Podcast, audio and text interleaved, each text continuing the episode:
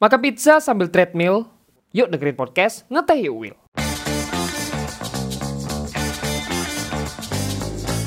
Jangan lupa pakai headphone ya untuk pengalaman yang lebih baik. Belajar merupakan kewajiban untuk menempuh majunya peradaban. Dengan belajar, kita membuat diri sendiri menjadi berharga dan hati menjadi lebih bangga. Belajar bisa dari mana saja. Seperti kata pepatah, tuntutlah ilmu walau sampai ke negeri Cina. Dengar lagu dari band Armada. Yuk kita sambut Dinda. Halo. Good evening. Halo. Ini Dinda. Jadi kita baru eh kita ketemu baru dua kali nggak sih? Iya, baru dua kali. Pertama Dua kali kali ingat ya? nggak di mana? Pertama kali ingat banget aku. Kita lagi di TP di di acara Iya banget, iya cosplay. Terus Iya, lihat terus kita masih Bauzihana gitu. kita masih ini kan wibu kan? Iya, masih wibu. Waduh. Lihat Bauzihana kan kita berdua. Iya ya om. masih ingat masih ingat loh ya ampun. Iya Aku dong. Yang lihat-lihat itu masih lupa-lupa gitu loh. kita dulu Masih dikenalin gak sih? Kenapa? Dikenalin. Mm-mm, kita dulu dikenalin. dikenalin kan, terus akhirnya kok tiba-tiba akrab gitu. Iya, Satu langsung langsung nganu ya, langsung sefrekuensi gitu ya. Iya, aduh. Waduh, waduh, waduh. Apa kabar, Din? Oh, baik, alhamdulillah. Oh ya. Nah, aku sebenarnya eh, pengen ketemu sama Dinda gitu. Tapi ternyata Dinda udah pindah ya. Iya, udah. Udah Sekarang pindah. di Jonggol. Jadi Jonggolian sekarang. Oke, dan sekarang Dinda ini lagi skripsi. Jadi mohon doanya ya teman-teman buat Dinda biar segera selesai skripsinya. Begitu juga Amin, para amin. para eh, orang-orang yang sedang menjalankan skripsi semoga dengan selesai. Amin. Oke, oke. Amin, amin, amin. Semangat skripsi. Yuk. Kerjakan. Jangan males ya, Wah. Iya, Oke. aduh. Nah, kebetulan Dinda ini juga udah eh, baru pulang ya, baru pulang dari negeri sana ya. Apa sih Oh, sebutannya sebenar- Cina itu? Apa ya? Eh, negeri Negeri bambu negeri bukan sih? bambu. Negeri Iya, bambu ya?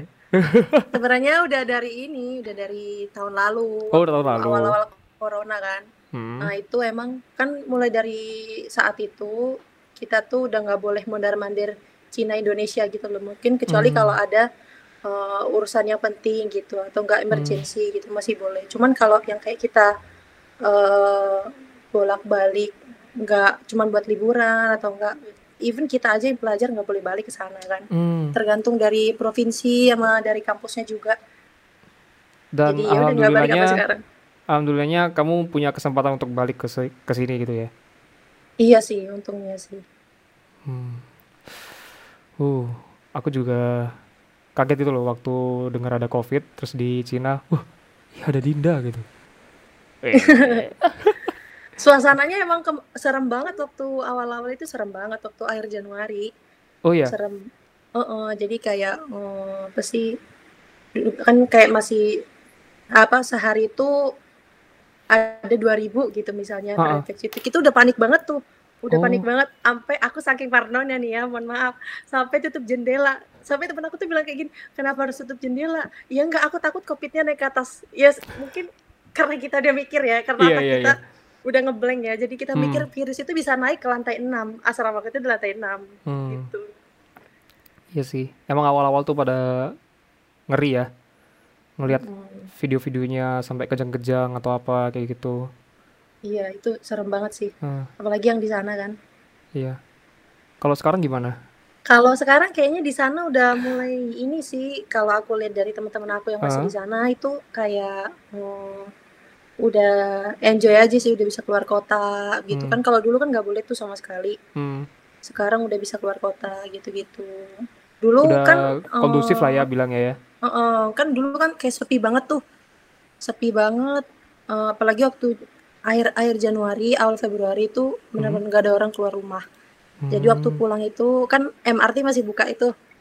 MRT masih buka, kan kita kalau mau ke bandara harus naik MRT dulu. Nah, Hmm. kita masuk ke MRT, itu nggak ada siapa-siapa di situ. Nggak ada siapa-siapa, jadi cuma kita aja yang mau pulang ke bandara gitu. Jadi emang kayak kayak di film-film gitu gak sih rasanya? Iya, kayak Silent Hill. Itu serem banget sih. Serem banget. Wih, Silent Hill loh. Iya, serem Aduh. banget, serem banget. Gak ada yang buka sama sekali udah gak ada. Oke, jadi itulah pengalamannya dia waktu masa COVID ya. Nah, sekarang kita coba mulai kembali ke masa-masa awal. ya. Tapi sebenarnya waktu kamu di sana itu udah berapa lama? Eh, kalau dikurangi sama masa COVID ya, itu Hmm. mungkin sekitar empat tahun. Cuman kan aku kuliahnya lima tahun.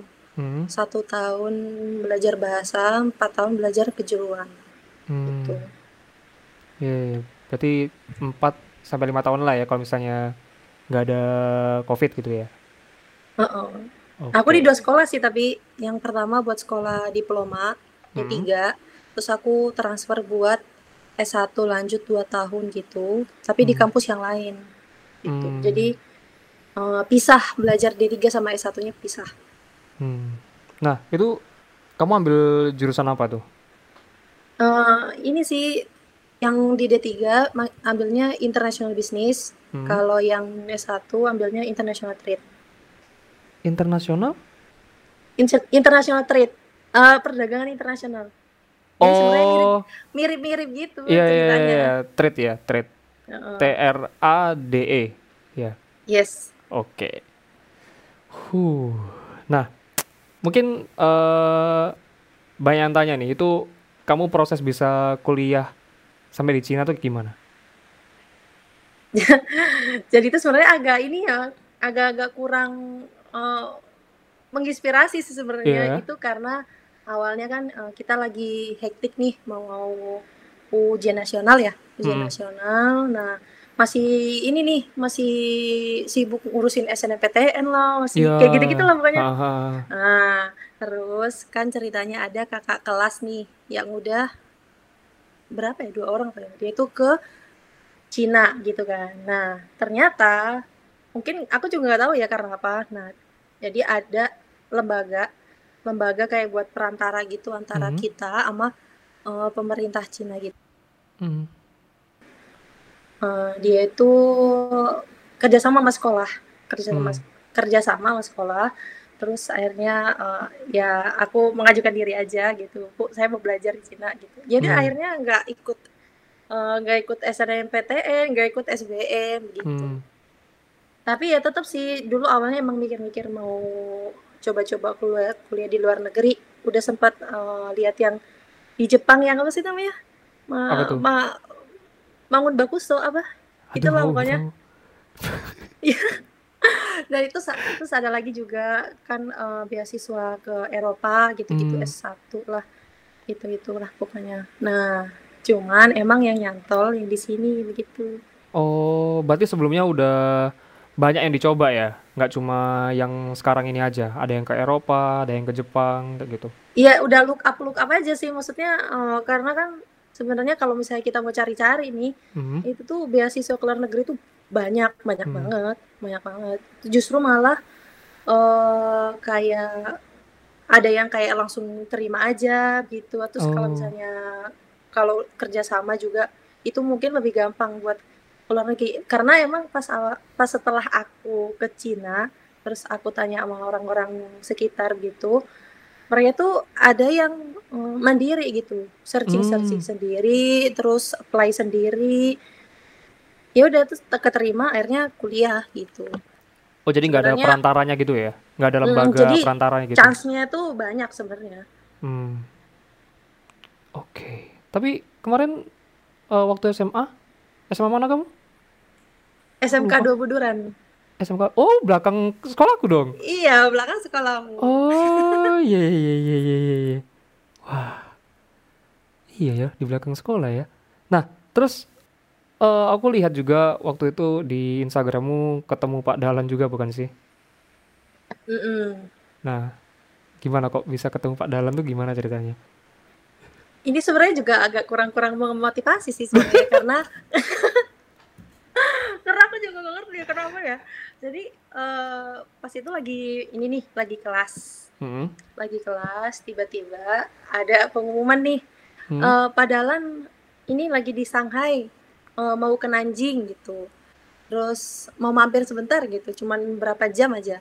Buat makan siang sama mahasiswa mahasiswa uh, mahasiswa mahasiswa Indonesia ekspat Indo gitulah. Mm. nah kita kan ini ya uh, iseng gitu. Mau dong mau dong mau dong gitu. Terus akhirnya uh, di di kontak lah gitu. Buat datang ke sini ke sini ke sini. Hmm. akhirnya datang lah aku sama teman-teman aku kita berlima kalau nggak salah berlima terus ketemu sama Pak Dalang itu cuma makan aja tuh habis hmm. makan makan makan terus kayak sharing sharing gitu pengalaman dia terus atau enggak uh, keperluannya apa sih gitu di sini gini gini, gini gitu kan terus habis gitu dia numpang sholat nih oh. di di kota di kota Nanjing itu kan uh. dia numpang sholat habis sholat dia berangkat lagi ke Shanghai hmm. jadi iseng aja gitu dia ke kota Nanjing gitu. Oh, jadi emang ada keinginan aja ya gitu ya dari Pak iya. Dahlan ya? Iya, dia bilang pengen ngobrol sih sebenarnya. Ya, gimana ya? Itu sebuah kayak tiba-tiba banget gitu loh. Tapi enak iya. ketemu Pak Dahlan. iya, lak banget karena karena aku sebenarnya nggak pernah kepikiran ya ketemu orang uh. kayak gitu orang penting, mohon maaf iya. ya. Tapi kan ternyata ternyata memang uh, apa namanya?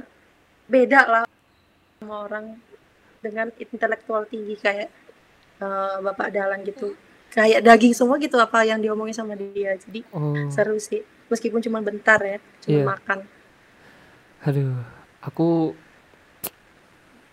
pengen ketemu Pak Dalan, tapi ketemunya cuma mobil Teslanya aja. itu mah saya juga mau mohon maaf nih itu pun aku juga kaget loh waktu itu aku lagi magang Nah, terus tiba-tiba ada mobil Tesla gitu di Papaya, Papaya Surabaya, tahu nggak? Oh iya tahu tahu tahu. tahu. Nah di situ, loh ada mobil Tesla gitu. Siapa lagi kalau bukan Pak Dalan gitu loh. Nah ternyata. Oh, emang waktu... cuma dia yang punya ya? Iya, yang aku tahu emang oh, Pak Dalan doang. Soalnya God. pernah ada kayak pelatihan gitu dari kampusku. Pak Dalan tuh datang jadi pembicara. Ya datangnya tuh pakai mobil Tesla. Ih keren sih. Iya. Kok aku baru tahu ya. Kayak gitu aku juga kaget keren, kan. Keren, terus, loh ketemu mobil lagi nih mobil Tesla ini pasti ya Pak Dalan gitu loh. Nah ternyata keren, Uh, yang ada di mobil itu waktu aku cari-cari di Papaya itu nggak ada Pak Dalan. Ternyata sopirnya yang make. Oh. Itu. Jadi ketemu mobilnya Pak Tes, eh mobilnya Pak Dalan sama sopirnya aja. Enaknya jadi supirnya bisa ini test drive. Iya sih. Mobil Tesla. Iya. Aduh. Tapi sayang katanya pernah bilang Pak Dalan uh, kartunya itu hilang gitu. Jadi nggak bisa kepake. Gak tahu kalau sekarang. Wis. Kenapa jadi mau Pak Dalan? Ya? iya. Saya aku pengen banget loh ketemu Pak Dalan. Kenapa? Semoga Pak Dalan nonton. Oh iya, ini harus di highlight ini supaya nanti tinggal tag, tag Pak Dalan aja. Ya Oke, okay. jadi dari ceritamu tadi ya, uh, berawal dari iseng atau benar-benar pengen sebenarnya?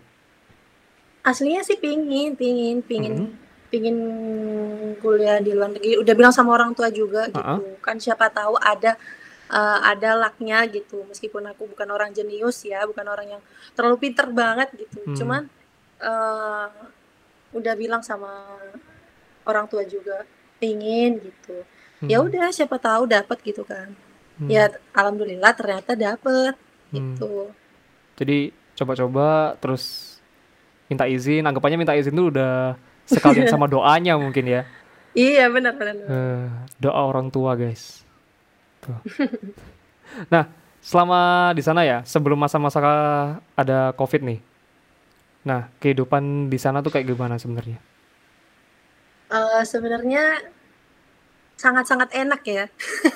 Kok bisa tuh sangat-sangat enak? Sangat-sangat enak ya karena uh, kalau dari sisi uh, teknologi atau enggak kayak praktis atau enggaknya Hmm. di Cina itu sangat sangat praktis. Maksudnya eh, kita kalau sekarang kan mungkin ada ini ya, udah ada OVO, GoPay Hmm. gitu-gitu. Hmm. Maksudnya uang elektronik gitu. Kalau di sana Hmm. emang udah dari dulu, udah dari Oh. dulu. Dan kita tuh eh, even kayak orang yang jualan tuh nggak sih orang jualan eh, kue kue kue dua ribuan gitu. Hmm. Itu hmm. mereka pakai eh, uang elektronik Alipay gitu kan. Jadi kita tinggal scan-scan aja udah. Pengemis Hmm. aja juga pakai. Jadi pengemis itu gini nih, gini nih, gini ya. Gini ya kamu tahu gambarannya. Orang ngemis nih, ngemis nih bawa botol bekas. Nah, ada receh-receh tuh di situ kan, ada Iya. receh-receh. Tapi di sebelahnya ada kertas scan scan apa buat scan QR code gitu itu WeChat Pay sama Alipay jadi kita nggak ada alasan nih buat nggak bersedekah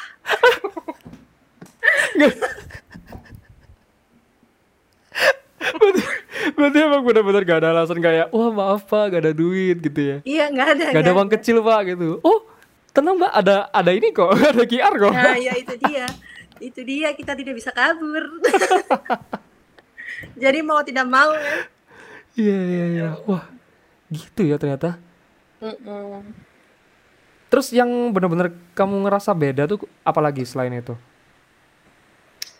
Eh, dari transportasi juga Transportasi. pertama eh, kalau sama eh, tempat aku tinggal ya Hmm. jelas beda ya cuman Hmm. maksudnya eh, kayak ke mana-mana itu gampang terus kayaknya di sana itu kayak lebih simpel aja gitu kalau mau ngapa-ngapain Hmm. apalagi kalau ada belanja online gitu kan kalau sekarang udah ada kan eh, kayak Hmm. Shopee itu udah gampang banget sekarang Iya. kalau dulu kan masih agak-agak susah gitu kan Heeh. nah kurang lebih di Cina itu dulu tuh kayak begitu kayak Shopee gitu Oh.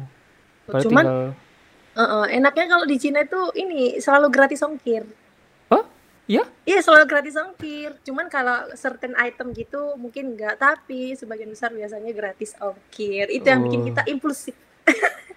Oke. Wah ini kalau misalnya didengerin bakal pindah semua nih ke Cina kayaknya. Bisa jadi. Aduh kuliah di Cina ah gitu. Iya. Oh kuliah di Cina ah gitu. Aduh. Iya. Kuliah ke Cina ngapain gitu? Cuma mau pakai Shopee aja di sana. Bisa gitu. bisa bisa bisa. Iya dia. Wah. Nah, terus ada nggak kayak keseruannya keseruan yang paling kamu ingat gitu? Yang paling memorable? Eh, keseruannya sih ini kalau sama eh, sesama ekspat ya kan kita di tanah rantau nih. Hmm. Jadi eh, kalau tiap ketemu sama orang Indonesia nih Iya. kenal nggak kenal itu kita saling sapa, saling senyum, kadang-kadang ngobrol, tiba-tiba Oh. deket. Itu jadi kayak eh, kita ramah tamah banget sih itu. Pokoknya tiap ada tiap ada orang Indonesia aja itu pasti kayak kita saling sapa gitu. Itu sih eh, yang menurut aku mm, bikin berwarna aja karena eh, banyak kayak teman seperantauan gitulah Hmm. itu sih terus mungkin sama eh, fasilitas yang dikasih sama Cina itu itu super super nyaman Tapi masih ada nggak sih kayak macet-macet gitu masih ada juga ya? Eh, kebetulan sih aku belum pernah lihat ya Hah? selama di sana Serius? aku belum pernah lihat selama di sana belum pernah oh sekali aja sih dalam empat tahun itu pun macetnya karena apa ya bukan oh karena ada eh, perbaikan jalan perbaikan jalan Cuma itu doang? tapi itu macetnya kayak cuma satu petak dua petak aja gitu nggak yang sampai panjang gitu enggak sih Nggak macet? enggak enggak enggak Oh my god. Oke. Wow. Ya ya ya ya. Karena mereka Dia- biasa pakai transportasi umum biasanya. Mm-mm sih transportasi umumnya juga ya udah terbilang bagus lah ya. Iya, benar bagus Nyaman gitu kan. Mm-mm. Jadi penasaran ke sana. Boleh kak? Iya lah, pengen lah masuk wishlist nanti. Siap siap. Nah, itu enggak eh kalau tahun baruan biasanya juga ngelihat gak sih tahun baruannya kayak gimana gitu. Mm-mm. Kayaknya kalau di sana nggak terlalu heboh sih. Oh, Kalau berarti nggak- pengalaman aku ya. Berarti nggak sesuai dengan ada yang di Instagram ya. sampai ada tulisan tuh.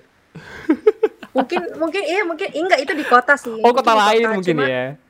Jadi kan eh, kalau misalnya kita tuh anak-anak kampus kan biasanya kampusnya ada yang di kota, ada yang Hmm. nggak di kota gitu kan. Jadi eh, pas kita begitu ke kota kita baru tahu tuh oh ternyata heboh ya gitu. Padahal sebenarnya kalau di sekitar-sekitar gitu biasa aja, kayak malah kita kadang-kadang tidur terus bangun oh udah 1 Oh. Januari gitu. Oh. Lebih heboh Imlek. Imlek sih itu Imlek. heboh banget. Heeh. Oh, beda banget ya berarti ya lingkungannya di sana. Heeh. Oke. Nah, ini banyak nih kemarin tuh aku sempet tanya juga kan di story. eh banyak yang bilang pengen kuliah lu- luar negeri gitu, tapi di negara mana? Nah, itu. Ternyata ada yang pengen ke UK, ada yang pengen ke New Zealand, Manchester, Jerman, US, Swedia, Malaysia. Wow, banyak pokoknya. Sampai nih, sampai apa sih gak kelihatan ya? banyak pokoknya wes, banyak. Kayak gitu. Nah, kalau mau ini nih, mau belajar di luar negeri, kira-kira yang paling pertama yang disiapkan tuh apa? Hmm, bahasa Inggris sih, bahasa Inggris. Kecuali eh, mungkin kalau yang bukan di negara yang ngomong bahasa Inggris gitu misalnya. Kalau even kalau yang negara macam Jepang, Cina Hmm. gitu-gitu kan mereka rata-rata eh, nggak bisa bahasa Inggris gitu kan. Jadi jadi mereka jadi emang eh, kita harus tetap paham karena mau pakai bahasa apa lagi gitu. Hmm.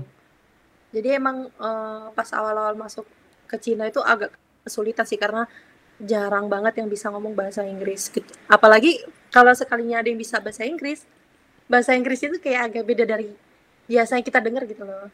Oh. Jadi kayak masih ada Cina-Cinanya gitu. Kalau orang-orang Oh. kayaknya bilangnya Cinglis. Cilis, Cina English. Iya. Oh iya. Iya.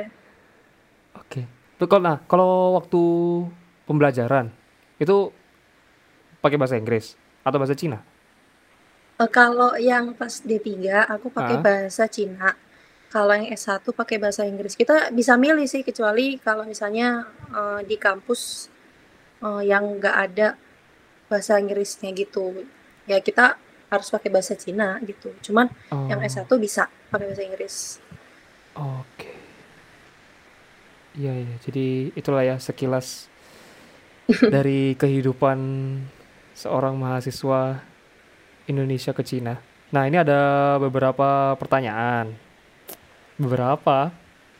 Yakin beberapa. ada takut. Aduh, ternyata banyak loh yang tanya. Dan Oke. ini ini yang paling banyak pertanyaannya dari podcast-podcast sebelumnya. Gitu. Wah, semangat. Dan oh ya Takut, Dinda takut. ini Dinda ini termasuk anu ya berarti eh narasumber cewek pertama di podcast ngeteh yuk Will. Wes. Wah. Ada jadi terharu kak. Aduh, aduh. Nah, nih ada pertanyaan dari Fatan WB. Bagaimana cara mendapatkan beasiswa luar negeri, Kak? Dan gimana cara survive di kuliahnya? Tadi mendapatkan beasiswanya udah ya. Nah, cara Iya. survive kuliahnya tuh gimana? Kok kayak serem banget sih kuliah ada survive juga. Sebenarnya plus minus sih kalau Hmm. eh, tergantung dari kitanya juga. Cuman wak- dari pengalaman aku yang susahnya itu eh, karena kita kita kan di perantauan apalagi perantauannya luar negeri ya. Hmm, Kalau misalnya mungkin di Indonesia kita masih oke lah gitu. Iya. Banyak eh, maksudnya orang Indonesia gitu kan. Kalau di sana ya kita apa-apa sendiri gitu.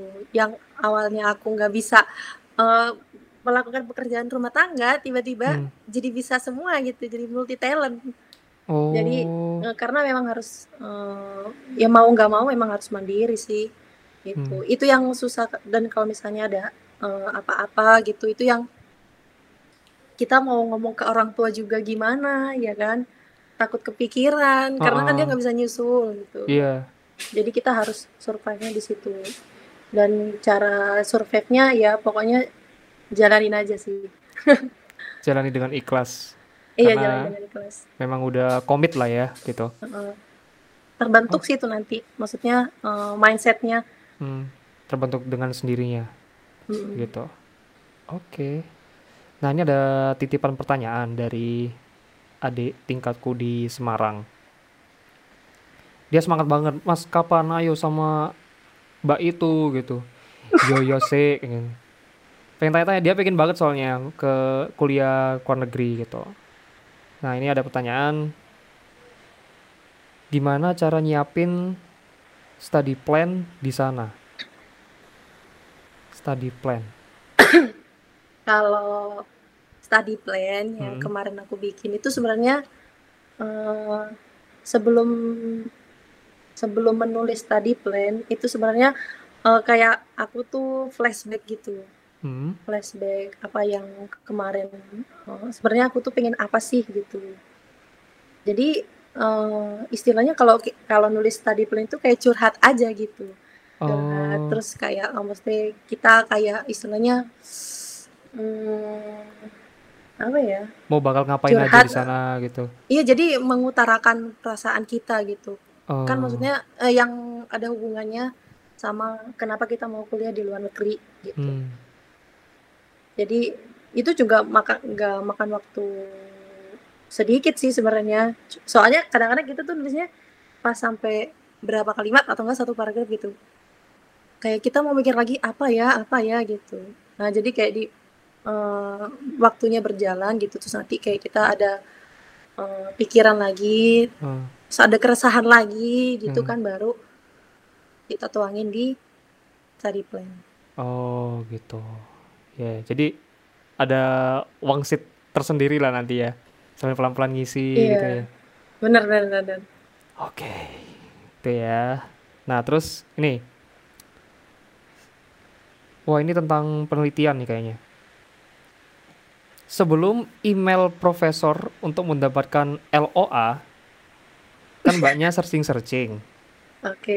peneliti si profesornya. Nah, mbak dapetin tentang publikasi penelitian itu di mana? Kalau jadi ini sebenarnya eh, lebih ke waktu S1 sih sebenarnya. Hmm, Lebih ke S1 itu kalau yang D3 kan itu memang kerjasama. Kerjasama sama eh, lembaga gitu kan. hmm, Kalau yang S1 itu memang kita kayak dapat rekomendasi dari guru D3 itu buat ke S1. hmm. Nah, itu biasanya kita kalau misalnya mau berhubungan itu ya berhubungan biasanya sama office teacher atau enggak itu itu yang di Cina ya Iya, kurang iya, iya. tahu cuman kalau misalnya yang sepengalaman aku kalau yang transfer S1 itu memang eh, ada ada sih profesor-profesor gitu atau enggak guru-guru. Ya itu sempat kita maksudnya sempat aku cari-cari juga sih. Maksudnya sama kita survei nih eh, kampusnya. Ini kampusnya gimana ya gitu. Hmm, maksudnya nggak yang asal-asal nggak asal-asal aja gitu. Kebetulan juga hmm. kan eh, di kampus itu ada orang Indonesia jadi kayak udah dapet testimoni gitu Oh, jadi merasa oh iya ini aku masuk ini aja deh gitu oke. Itulah testimonial sangatlah penting. Aduh, gitu ya. Tapi LOA itu apa tadi? Takutnya eh yang lain nggak tahu gitu. LOA, L O oh A. le, le, let- letter of admission Oh, jadi letter of kayak eh, admission. kita udah diterima nih misalnya jadi Mm-mm. sis mahasiswa sana nah Mm-mm. itu biasanya mereka itu kirim hard copy bisa mereka kirim soft copy dulu biasanya nah tapi mereka juga harus kirim hard copy Hmm, buat dibawa sama kita misalnya kita di Indonesia nih hmm. terus mereka kirim hard copy buat nanti kalau misalnya di bandara kan ditanya itu biasanya "Eh, ke Cina buat apa gitu oh Hmm. ini kita buat study gitu nah itu biasanya kita nunjukin letter of lo- oh, letter of admission ya elo elonya itu Oh, iya iya iya. gitu iya. biasanya ditanyain sih jadi nggak kalau bisa sekarang ya. eh, nggak bisa ini sembarangan masuk Oke, jadi Berarti eh, kalau dari ceritamu ini nih, berarti lebih enak kalau ada lembaga dong, biar bisa bantu. Oh iya sebenarnya ya jelas sih pasti enak kalau ada lembaga. Cuman Hmm. Eh ya itu balik lagi ke awal tadi. Sebenarnya kalau kita nggak pakai lembaga juga sebenarnya bisa Hmm. dan banyak gitu kesempatannya. Cuman ke kemarin posisinya aku lagi eh, maksudnya ada lembaga gitu yang menaungi. Hmm.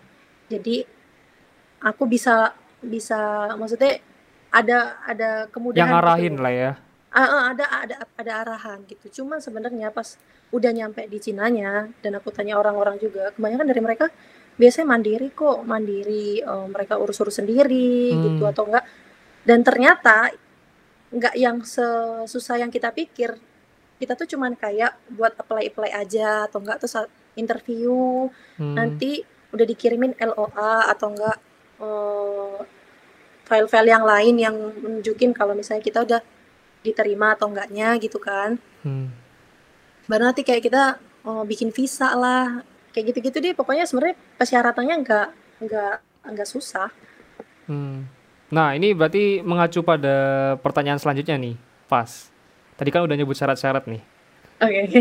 Nah, syarat dan ketentuannya apa aja untuk kuliah di luar negeri? Eh, yang penting itu paspor. Paspor kita harus sudah punya. Terus biasanya itu kayak nilai, nilai juga, Hmm. eh, ijazah, Hmm. terus apa lagi ya?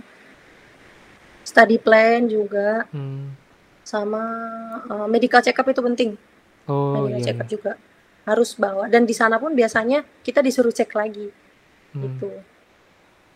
Oke. Itu aja. Dan enggak eh, ada juga, maksudnya ada juga eh, tambahan-tambahan yang lain, misalnya pengalaman kerja atau enggak sertifikat gitu-gitu sih bisa sih itu. Hmm. Cuma nanti Oh, kan detailnya mereka pasti tanya-tanya di interview. hmm. Itu yang interview ya kampus sana kan berarti, Mm-mm. bukan lembaganya kan? Bukan, bukan. Oh, kampus sananya. Oke. Itu ya sudah terjawab. Nah, ini ada lagi nih. Banyak loh beneran loh. Aduh, takut. Jangan susah-susah dong. Enggak dong. Nah nih, eh berapa lama persiapan untuk ikut beasiswa dan kemampuan apa yang pertama kali harus dibenahi? Tadi ada kemampuan bahasa Inggris ya. Iya, itu itu penting juga. Terus eh, kita pintar-pintar berkomunikasi sih itu penting juga. Ah, itu penting Karena banget itu. ya karena kalau kita sendirian di sana kita mau sama siapa ya kan? Yes. nggak ada siapa-siapa ya salah maksudnya salah satu hal yang paling penting itu adalah dengan kita berkomunikasi dan membaur dengan orang lain. Nggak Mhm. cuman kita sesama ekspat juga tapi kan masih sama orang sana. Apalagi eh, orang eh, misalnya aku di Cina nih terus eh, berbaur sama native speaker sana maksudnya orang Iya. sana. Itu kan sekaligus melatih, melatih kita untuk eh, berbicara bahasa Mandarin gitu. Hmm, terus apalagi tadi eh, ini persiapan untuk beasiswanya berapa lama? persiapannya kan itu biasanya kalau ada eh, pengumuman-pengumuman itu biasanya awal-awal tuh pas Hmm. setelah winter tuh biasanya sekarang-sekarang ini April atau enggak Maret gitu. Nah itu kita persiapannya kira-kira sampai tahun ajaran pertama itu berapa bulan berarti ya? Awal ta- tahun ajaran pertama itu biasanya bulan September, awal Hmm. September. Hmm, Itu ketepatan sama musim gugur hmm, awal musim gugur. Nah, itu biasanya baru mulai pelajaran tuh. Nah, biasa kita prepare-nya ya dari eh, dari bulan-bulan April gitu. Atau enggak kalau misalnya nanti udah masuk eh, udah datang nih misalnya LOA. Nah, itu kita udah mulai siap-siap. Hmm, ya. Berarti emang LOA tuh penting banget lah ya untuk Iya penting. Ke luar negeri, apalagi belajar di sana. Eh, ya untuk belajar di sana, bukan ke luar negeri. Ke luar negeri ngapain pakai LOA? Langsung aja beli Langsung paspor. aja pakai paspor kan? Iya bener. Oke. Nah, ini mungkin pertanyaan bagi kita seorang muslim. Pasti udah tahu lah. Oke oke oke. Nyari makanan halal Susah nggak? Alhamdulillah kalau di tempat aku Mm-mm. di kota Nanjing itu kebetulan nggak susah, nggak susah. Nggak susahnya itu karena biasanya ada restoran halal gitu. Hmm. Ya mostly mereka sama sih, eh, menunya sama karena biasanya mereka itu kayak satu geng, satu geng gitu kayak nyebar ke mana-mana terus bikin Hmm. eh, restoran gitu. Atau enggak biasanya dari orang Hmm. Xinjiang atau enggak dari daerah-daerah yang mayoritas Muslim di Cina. Nah itu Hmm. biasanya mereka bikin restoran. Nah, res- ya kita tuh Oh. biasanya anak-anak eh, anak-anak Indo itu biasanya ke situ kalau makan pasti. Hmm. Jadi kalau misalnya orang di sana, orang orang Indo yang di sana pasti tahu Ah. ya restoran halal udah Eh. tahu karena bia- karena sebenarnya itu satu-satunya bukan satu-satunya sih salah satu yang kita tuh merasa aman gitu makan di situ Oh, iya karena yang iya. jualan kan juga muslim terus begitulah biasanya kita masak sih safe house lah ya. Udah Iya. paling aman banget. Nah, kalau misalnya di luar dari situ, misalnya kamu jalan-jalan gitu, nah, kamu bisa tahu kalau itu halal enggaknya itu gimana? Eh, biasanya sih kalau dulu pas awal-awal atau enggak ya sampai sampai sekarang juga sampai Hmm. pas aku trade di sana biasanya tanya sih "Eh, ini ada minyak babi enggak ini ada ini Hmm. enggak gitu. Masa pakai bahasa biasanya sih gitu. Indonesia? enggak enggak. Jadi dulu itu Coba dong pakai bahasa Mandarin ya. Oh, aduh. Malu kak. Ya. Coba coba coba. maksudnya aku ya biasanya aku bilang Eh, jaga yang buyong lah yang buyong cuyo gitu atau enggak. Eh, itu itu pakai minyak babi enggak gitu atau enggak ada oh, babinya enggak gitu bisa bisa biasanya sih kayak gitu. Cuman itu biasanya awal-awal. Karena eh, kalau misalnya eh, makin ke sini makin ke sini kita udah bisa tahu kita tahu aja gitu. Dan biasanya kita kalau beli makanan ya di situ-situ aja nggak yang ke mana-mana gitu. Kecuali kalau emang mau explore gitu. Biasanya sih oh, tapi emang muslim biasanya masak sih. Masak masak di sendiri. rumah iya masak. Oh, ya. Tak kira tadi eh semakin lama ya, semakin udah biasa tuh tak kira oh udah bau.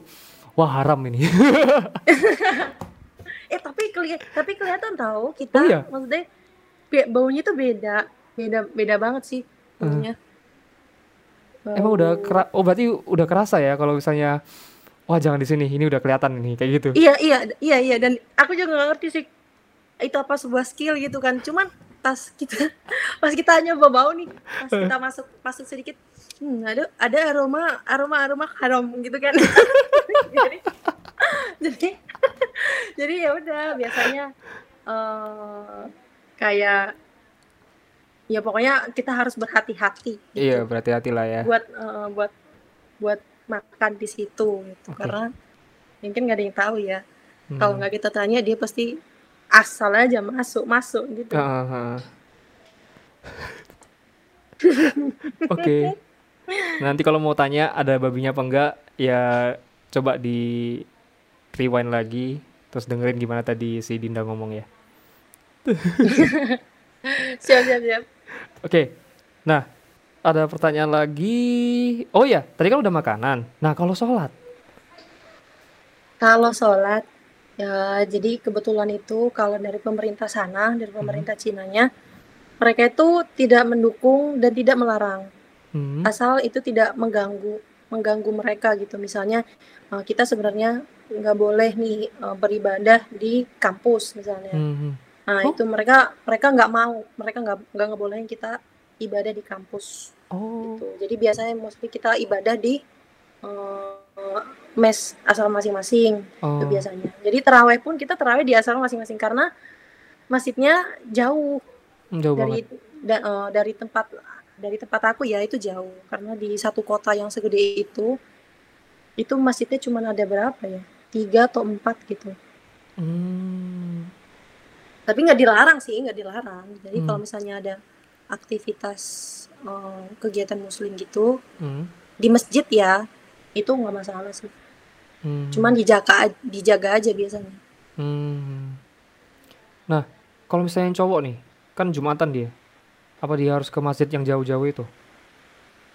iya iya sih iya sih kalau aku dari teman-teman aku sih mereka ya mau nggak mau harus ke sana maksudnya ke masjid Oh. terdekat buat sholat gitu karena eh ya mau gimana kan biasanya Iya. kalau kalau sholat Jumat kan harus ini kan harus rame Iya harus gitu. rame. Kalau di mes juga nggak mungkin lah ya, karena jadi sedikit biasanya gitu.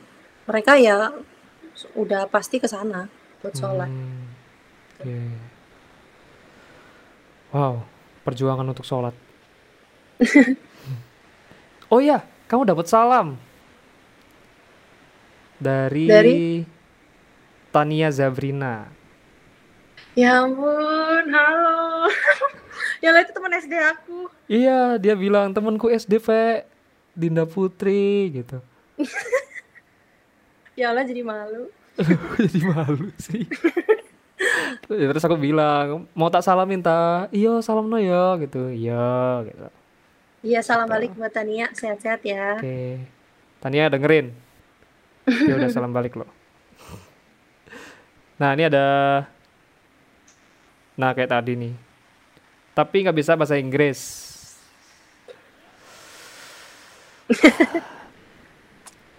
Ada pelatihannya lah ya. Eh, yang penting kita tahu basicnya sih, karena mereka juga mostly kalau di Cina ya mostly nggak Hmm. bisa. Tapi kalau Hmm. di negara yang eh, menggunakan bahasa Inggris itu kita wajib tahu bahasa Inggris karena nggak ada cara lain. Bentar, negara? Negara yang menggunakan bahasa Inggris. Oh negara, oh negara negara, negara lain lah ya. Iya, kalau. Cina ya mereka jarang bisa bahasa Inggris, cuman kan kita nggak ada nggak ada alternatif lain kecuali kita udah udah bisa bahasa Mandarin kan. Cuman kalau Hmm. pas awal-awal itu, nah itu kita kadang-kadang kita kalau apa pakai bahasa pakai bahasa isyarat gitu loh. Oh, Iya makan kayak ya eh, kita ya. gimana sih gaya makan. Nah, ya, gitu. Oh, ya ya ya. ya. gitu. Oke. Tapi tadi kamu bilang juga kan kalau di tahun pertama tuh ya belajar bahasa dulu kan? Iya. Itu benar-benar harus harus benar-benar bisa atau cuma gimana? Sebenarnya eh, kalau persyaratan untuk belajar kejuruan yang menggunakan bahasa Mandarin itu memang Hmm. ada syaratnya. Kita harus lolos eh, misalnya kalau di Cina itu ada HSK, Hmm. itu Chinese test gitu. Ya Persyaratan buat kayak kita anu belajar lah ya, kejuruan. kayak TOEFL gitu kan ya. Yes, Cuma ini heeh, Cina gitu. gitu, bahasa. Mandarin.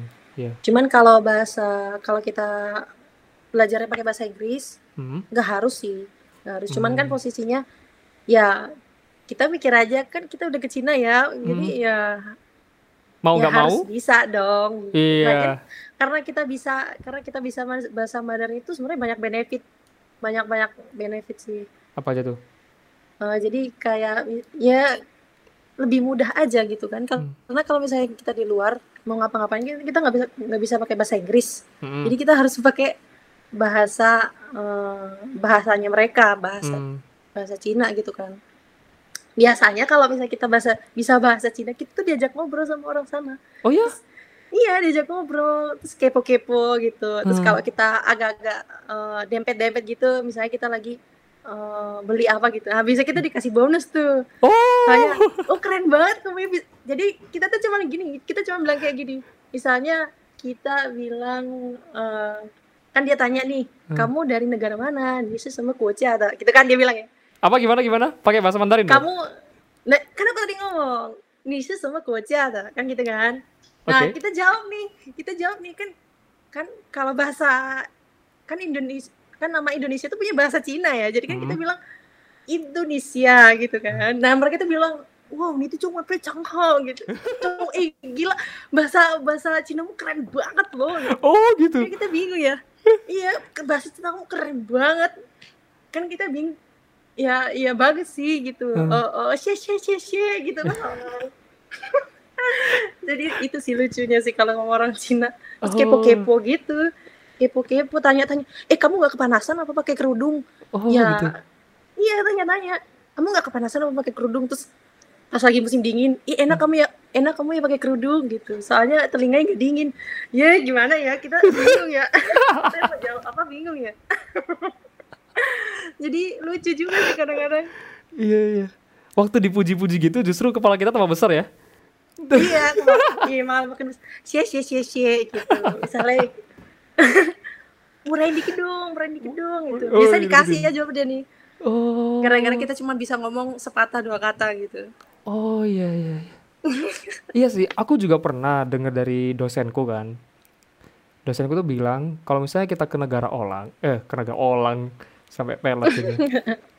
kalau kita mau ke negara orang, paling nggak kita tuh bisa bahasanya. Dan itu udah bisa dapetin hati dari negara itu sendiri gitu loh. benar-benar Kayak gitu. Nah, ini salah satu contohnya ya. Dengan kita bisa berbahasa dari bahasa negara sana, jadi deket gitu kan. iya benar benar banget sih Kayak gitu. apalagi kalau misalnya lagi jalan sendiri atau enggak sama teman-teman Hmm. gitu kan nah kita kan petunjuk petunjuk jalan atau enggak petunjuk apa-apa itu kan pakai bahasa Mandarin ya Mm, jadi kita kita harus bisa baca gitu meskipun nggak semua karena kan eh, karakternya Mandarin itu kan banyak banget Iya, gitu. yang penting at least kita tahu nah itu sih yang salah satu benefitnya itu sih Hmm. Iya sih. Aku juga apa ya? Pengen gitu loh bisa banyak bahasa gitu. Mm-mm. Ya, aduh siapa sama tahu siapa tahu kan keliling-keliling gitu kan nggak pakai bahasa Inggris saja tapi pakai bahasa negara ini, negara itu gitu ya. Ya itu aku tetap eh, masih inget banget itu kata dosenku. Pokoknya kalau mau ke negara mana ya negara apa pun itu kamu harus bisa bahasanya meskipun itu cuma dikit. Karena dengan bahasa yang kamu pahami itu yang kamu udah pelajari waktu ngomong sama orang kamu bisa dapetin hatinya gitu Iya benar. Itu itu Iya. ya itu berlaku sih emang. Iya kan? Iya sih. Iya, wah keren keren keren. Oke. Belajar bahasa Inggris lo ya. Yang nanya tadi mau keluar negeri kok nggak mau bahasa Inggris. Oke. Ini ada dari kakak kelasku nih. Hal yang paling lama buat adaptasi untuk kuliah di luar negeri apa Lama itu eh sebenarnya banyak sih karena kan sempat waktu pas awal-awal masuk ke Cina itu Hmm. kayak culture shock banget itu. oh Eh, eh, iya oh nggak boleh ya gitu. Eh, itu boleh ya gitu. Oh, oh biasa ya. Oh, oh nggak boleh. Aduh, jadi kayak eh, keteteran ya kita bingung Iya. nih. Kita tuh bingung ya kan. Hah. Jadi kayak misalnya yang paling sa- sampai sekarang yang masih nggak bisa adaptasi itu orang Cina ngomong kenceng-kenceng gini. Ah, Orang Iya orang, maksudnya mereka kalau ngomong tuh kenceng gitu kan. Tapi akhirnya mungkin kita jadi kebiasaan. Ya kita ngomong kenceng nih. Jadi mereka tiap ngomong teriak misalnya. Tapi menurut mereka nggak teriak ya. eh, Jadi kayak orang marah gitu. Nah, Eh. kita biasanya balas ngomong ngomong gitu. Kalau di kita kan marah ya. kalau di kita mah marah. Tapi Kalau mereka kayak biasa aja gitu. oh Itu sampai sampai sekarang, itu sampai sekarang. Ini ada orang nih, misalnya aku di bis, di bis nih duduk nih, Hmm. anteng-anteng kita duduk nih di bis. Terus ada bapak-bapak baru telepon. Ngomong ngomong. Nah, itu lagi satu bis, itu lihat bapaknya. Nah, begitu tuh. Kurang lebih kayak gitu. Kurang lebih kayak gitu. Oke oke. Aduh. Iya ya iya ya bener bener bener bener. Iya sih orang-orang sana ngomongnya ya kayak apa ya? Ya gitulah. Lantang gitu ya. Iya Iya. iya bener bener. benar. Nah yang apa namanya? Yang ini nggak boleh, itu nggak boleh itu apa yang pertama kali kamu rasakan itu? Eh, pas ngerasain kayak gitu-gitu Ah ya kita awalnya mikirnya oh iya ka- kaget pertama pasti terus karena kita kaget itu ya kita juga mikir lah mau gimana lagi gitu kan kan kita Hmm. di negara orang kan iya. jadi kita juga harus terbiasa sama eh, budaya mereka gitu Hmm. nggak bisa kan kita eh, ngotot eh, apa ya ngotot sama prinsip kita nih prinsip Mhm. kita ketika di sini terus kita terapin di sana ya pasti ada beberapa beberapa eh, mindset yang memang kita, harus kita pertahankan karena karena eh, di sana juga nggak semuanya kita harus ambil Iya iya iya iya iya. iya. jadi ya itu sih ya kita harus pinter-pinter nyaring karena kalau kalau kalau nggak disaring kebablasan tapi kalau kita nggak nyaring juga kita diem-diem baik gitu kan Hmm. Oke. Aku jadi inget temenku deh. Temenku tuh pernah ke Korea. Kayak volunteer gitulah. Dia itu cuma mau nyebrang dari trotoar satu ke trotoar sana. Itu nggak cuma berapa langkah gitu loh. Eh mungkin sekitar tujuh langkahan lah kayak gitu. Nah kalau di Indonesia, kalau di rumah kita lah, nyebrang tuh ya biasa ada motor lewat gitu kita nyebrang aja aman gitu kan Iya banget, iya banget. Iya kan nah cuma kalau di sana itu tuh sepi nggak ada motor lewat sama sekali ya temenku tuh nyebrang tapi nggak lewat zebra cross gitu loh Nah, itu tuh yang tidak dibenarkan. iya kan? Kita kan udah Iya, iya. kebiasaan kan itu kan? Ya. Heeh. M- meskipun itu bukan di jalan raya dan ada zebra cross itu ya. Kita pun nyebrang nggak di zebra cross itu ya orang-orang nganggapnya biasa gitu loh. Ya. Nah cuma di sana itu udah nggak ada motor lewat sepi terus temenku nyebrang. Nah orang Korea temennya Korea temennya dia yang bener-bener orang Korea itu teriak-teriak hehe jangan kayak gitu nanti ketabrak gitu loh. Padahal gak ada apa-apa gitu Iya sih, aku ada aku ada pengalaman sih kayak gitu dulu pas eh, sotoy nih, sotoy Heeh. nggak nggak nyebrang lewat zebra cross karena jauh banget, Iya, jauh iya. banget dari sini ke sana itu kayak ada berapa ratus meter kan kita mager ya, kita mager, Heeh. ya ya biasalah mager. Akhirnya kita lewat tuh jalan nggak lewat zebra cross itu orang-orang ngeliatin loh, oh orang-orang iya. ngeliat, ya orang-orang ngeliatin sinis gitu, terus aku kayak diliatin, ih, kenapa sih orang-orang ini aneh gitu, ya akhirnya ya itu sih yang kita akhirnya mikir gitu oh Iya. karena mereka memang eh, menghargai lah menghargai peraturan gitu Hmm. Iya. Banyak loh cerita kayak gitu tuh dari dosenku juga Iya. ada. Penga- pernah ngalamin sih ya Allah pernah juga ke kena marah gitu Heeh. ya ki- itulah karena kita membawa membawa apa yang ada di Indonesia ke sana gitu Iya, iya. prinsip magernya kita bawa. Jadi ya udah mau gimana Ada juga cerita kayak gini sih. Aku tuh pernah nyebrang dan itu lewat zebra cross. Justru aku malah dimarah-marahi sama tukang bemo. Ngaleo, tit kayak gitu. Nah, kan? Kayak gitu. Sedangkan ada Iya, nih iya, cerita iya. dari dosenku. eh dia tuh lagi di Australia. Ya. Dia tuh mau nyebrang, ada motor tuh kenceng lewat. Gitu ya. Motor kenceng lewat. Nah, dia Terus, tuh baru naruh kakinya di zebra cross. Naruh tok gini loh. Naruh tok, si motor udah berhenti gitu loh. Sampai ngerem-ngerem gitu. Cit cit cit kayak gitu-gitu. Nah, sampai si pemotor itu turun dan bilang minta maaf sama ke dosenku itu. Beda banget loh. Aku dibisu-bisui, dosenku disepur-sepurani. Heran deh. emang beda iya. Kalau di sana mah ini kalau di sana ya lampu merah ya udah lampu merah gitu. Heeh, lampu heeh. hijau lampu hijau. Benar-benar ya udah gitu. Merah berarti hijau jalan udah gitu intinya. Kita kalau kuning tambah Jadi- kenceng. oh iya kita enggak jadi kita kalau di sana ya kita jadi nggak takut gitu. Misalnya udah udah hijau eh udah merah nih di Hmm. mereka kita udah di hijau. Kita pas begitu tit langsung ganti hijau kita langsung jalan aja biasa gitu Oh. karena kita ya tahu karena mereka pasti udah berhenti Hmm. kalau misalnya di sini kan kita masih was was ya meskipun Iya, hijau mereka yang gitu. merah kita tuh dari kanan kiri bingung ada ada ada, ada yang lewat nggak ya gitu baru kita jalan tuh padahal kita udah hijau keburu merah lampu kita ya kan Iya. Kita udah parno duluan gitu loh. Wih, iya depan iya sih. Culture-nya beda banget ya kerasa. wah, wah, wah. Nggak kena habis sih kalau cerita kayak gini kalau tentang culture. banyak sih banyak banyak iya, banyak banget pasti. banyak banget banyak banget Aduh. Nah, ini ada pertanyaan lagi nih. Hal tersusah tinggal di sana itu apa sih?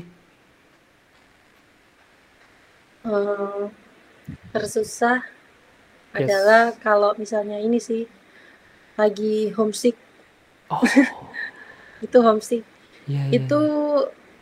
Ini apa namanya pasti nggak enak lah pasti nggak enak lah Hmm. jadi kalau misalnya tiba-tiba tuh tiba-tiba ini sedih kan nangis Hmm, nih atau hmm, enggak hmm. nggak jelas aja gitu tiba-tiba sedih gitu aduh kangen kangen di rumah aja gitu kan kalau di sana sendiri apa-apa sendiri jadi kan Mhm. kerasa Iya. biasanya kita eh, baju ada ini ada yang ngejemur gitu-gitu Heeh. kan Iya. terus atau enggak pokoknya apa-apa yang eh, di sini mudah gitu. Di sana itu menjadi sulit karena Hmm. kita kan harus mandiri masak juga. Apalagi tuh yang masak paling penting sih. Kita mikir oh masak deh ayam kecap ya masak nih. Masak kita ayam kecap nih. Terus kita coba oh tidak seenak di rumah ya. Jadi itu sih yang ini yang bikin mikir oh iya ya gitu. Aduh jadi Oh. ini kangen rumah gitu Jadi benar ada rasa-rasa rindu sampai nangis-nangis Iya, gitu. biasanya kalau dari Indonesia nih kita bawa makanan dari mama nih, Ah. bawa makanan dari mama banyak. Nah, Iya. itu buat persediaan buat satu bulan, buat dua minggu, Oh, gitu. Kalau aku sih, oh gitu ya. Biar nggak homesick. Atau iya, enggak tapi nggak homesicknya cuma sebulan tuh. Besok besoknya masih homesick. Oke, oke. Nah, itu tadi adalah pertanyaan terakhir. Oh, Oke, oke. Alhamdulillah, sudah bisa menjawab semua ya berarti ya. Iya, oke, mantap, mantap. Alhamdulillah nggak susah ya Allah, terima kasih. Nggak susah ya, gampang ya. Ya, berarti intinya tadi eh, banyak lah ya. Ada nggak sih ada yang pengen kamu sampaikan nggak tentang kuliah di luar negeri ini? Eh, yang penting sih, maksudnya yang dari pengalaman aku ya, Iya. itu kita di sana wajib wajib wajib kepo, hobi kepo. Oh, Jadi, karena karena karena kan kalau misalnya di sana kita kan eh, harus beradaptasi, Hmm. harus belajar juga. Jadi kita nggak cuma belajar kejurusan, nggak cuma belajar bahasa, tapi kita belajar eh, mindset orang sana, terus Hmm. atau enggak bagaimana mereka eh, berperilaku. Pokoknya apa apa yang kita hobi hobi kita hobi hobi kepo nih nanti eh, ilmu yang kita ambil atau enggak pelajaran yang bisa kita ambil itu nanti kita kita saring gitu. Terus kita hmm. bawa ke sini misalnya kayak apa sih namanya cara berpikir begitu atau enggak Hmm. itu sih yang yang yang paling apa ya yang paling ngena banget kalau kalau di aku tuh kayak belajar kepo terus Hmm. juga apa intinya semangat deh pokoknya kalau Oke. semangat kalau udah niat mah udah apa aja jalan Ah, ah. Pokoknya kalau benar-benar serius pengen kuliah di luar negeri, ya harus dipersiapkan semua lah ya yang kit- Iya, yang kamu pasti, sebutin tadi ya. Iya. Termasuk berbahasa dan berkomunikasi. Itu yang paling Iya. penting banget itu. itu penting banget penting banget dan itu Iya. keras benefitnya dan apa manfaatnya sangat sangat dan itu pokoknya sangat sangat bermanfaat lah Iya. dan ada gunanya banget itu. Dua Berarti itu. komunikasi, berbahasa itu wajib fardu ain harus dipelajari banget gitu ya. iya benar Oke. Wah, sudah selesai nih. Kita udah hampir satu jam nih. Wih. iya lumayan juga ya Iya. Kayaknya ini langsung upload bisa deh ini. Kita aman kok, nggak ada eh, kata-kata yang gimana-gimana gitu ya. iya kok Aman udah banget. Oke. mikir nih aduh aduh aduh, aduh. apa ya apa ya yang harus dikeluarkan yang tidak aduh takut Iya, iya. karena kan jamaahnya Milton kan banyak ya kalau jamaah aku kan nggak ada kebetulan jamaah aku adalah temanku jadi ya ya mereka udah tahu lah kalau Milton kan ada jemaahnya ya jadi memang harus disaring Iya. Jadi memang harus harus clean gitu. Mm-mm. Ada. Oke, terima kasih Dinda atas waktunya. Semoga Ya, makasih juga udah, udah diundang ke podcast. Aduh, udah kayak serasa selebgram nih. Oh ya nanti kalau misalnya si teman-temanku nih pengen tanya-tanya ke Instagrammu boleh nggak? Boleh banget, boleh banget. Boleh ya. banget. Oke. Tapi jangan modus. Benar-benar bermanfaat loh pertanyaannya. Jangan tanya nomor WA ataupun udah punya pacar apa belum. Oh, kalau tanya nomor rekening kebetulan nggak apa-apa sih. Oh iya, kan lagi mau abis leba- mau lebaran ini kan? Wah. Iya iya. Siapkan OVO dan GoPay. Ya boleh. Oh, Dana, OVO, semua ada. Ada ya? Iya iya iya. iya. Oke Din, makasih banyak ya atas informasinya, ilmunya, Iya. dan juga pengalamannya Makasih sudah juga. di-sharing di Ngeteh Yuk Will. Semoga ini bermanfaat buat teman-teman semua yang Sip, sip, sip. mendengarkan. Terima kasih. Oke, makasih banyak. Oke, ini udah.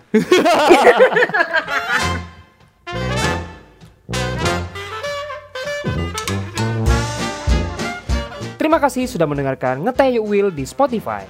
Oh iya, kalau lagi dengerin, jangan lupa tag di story Instagram kamu ya.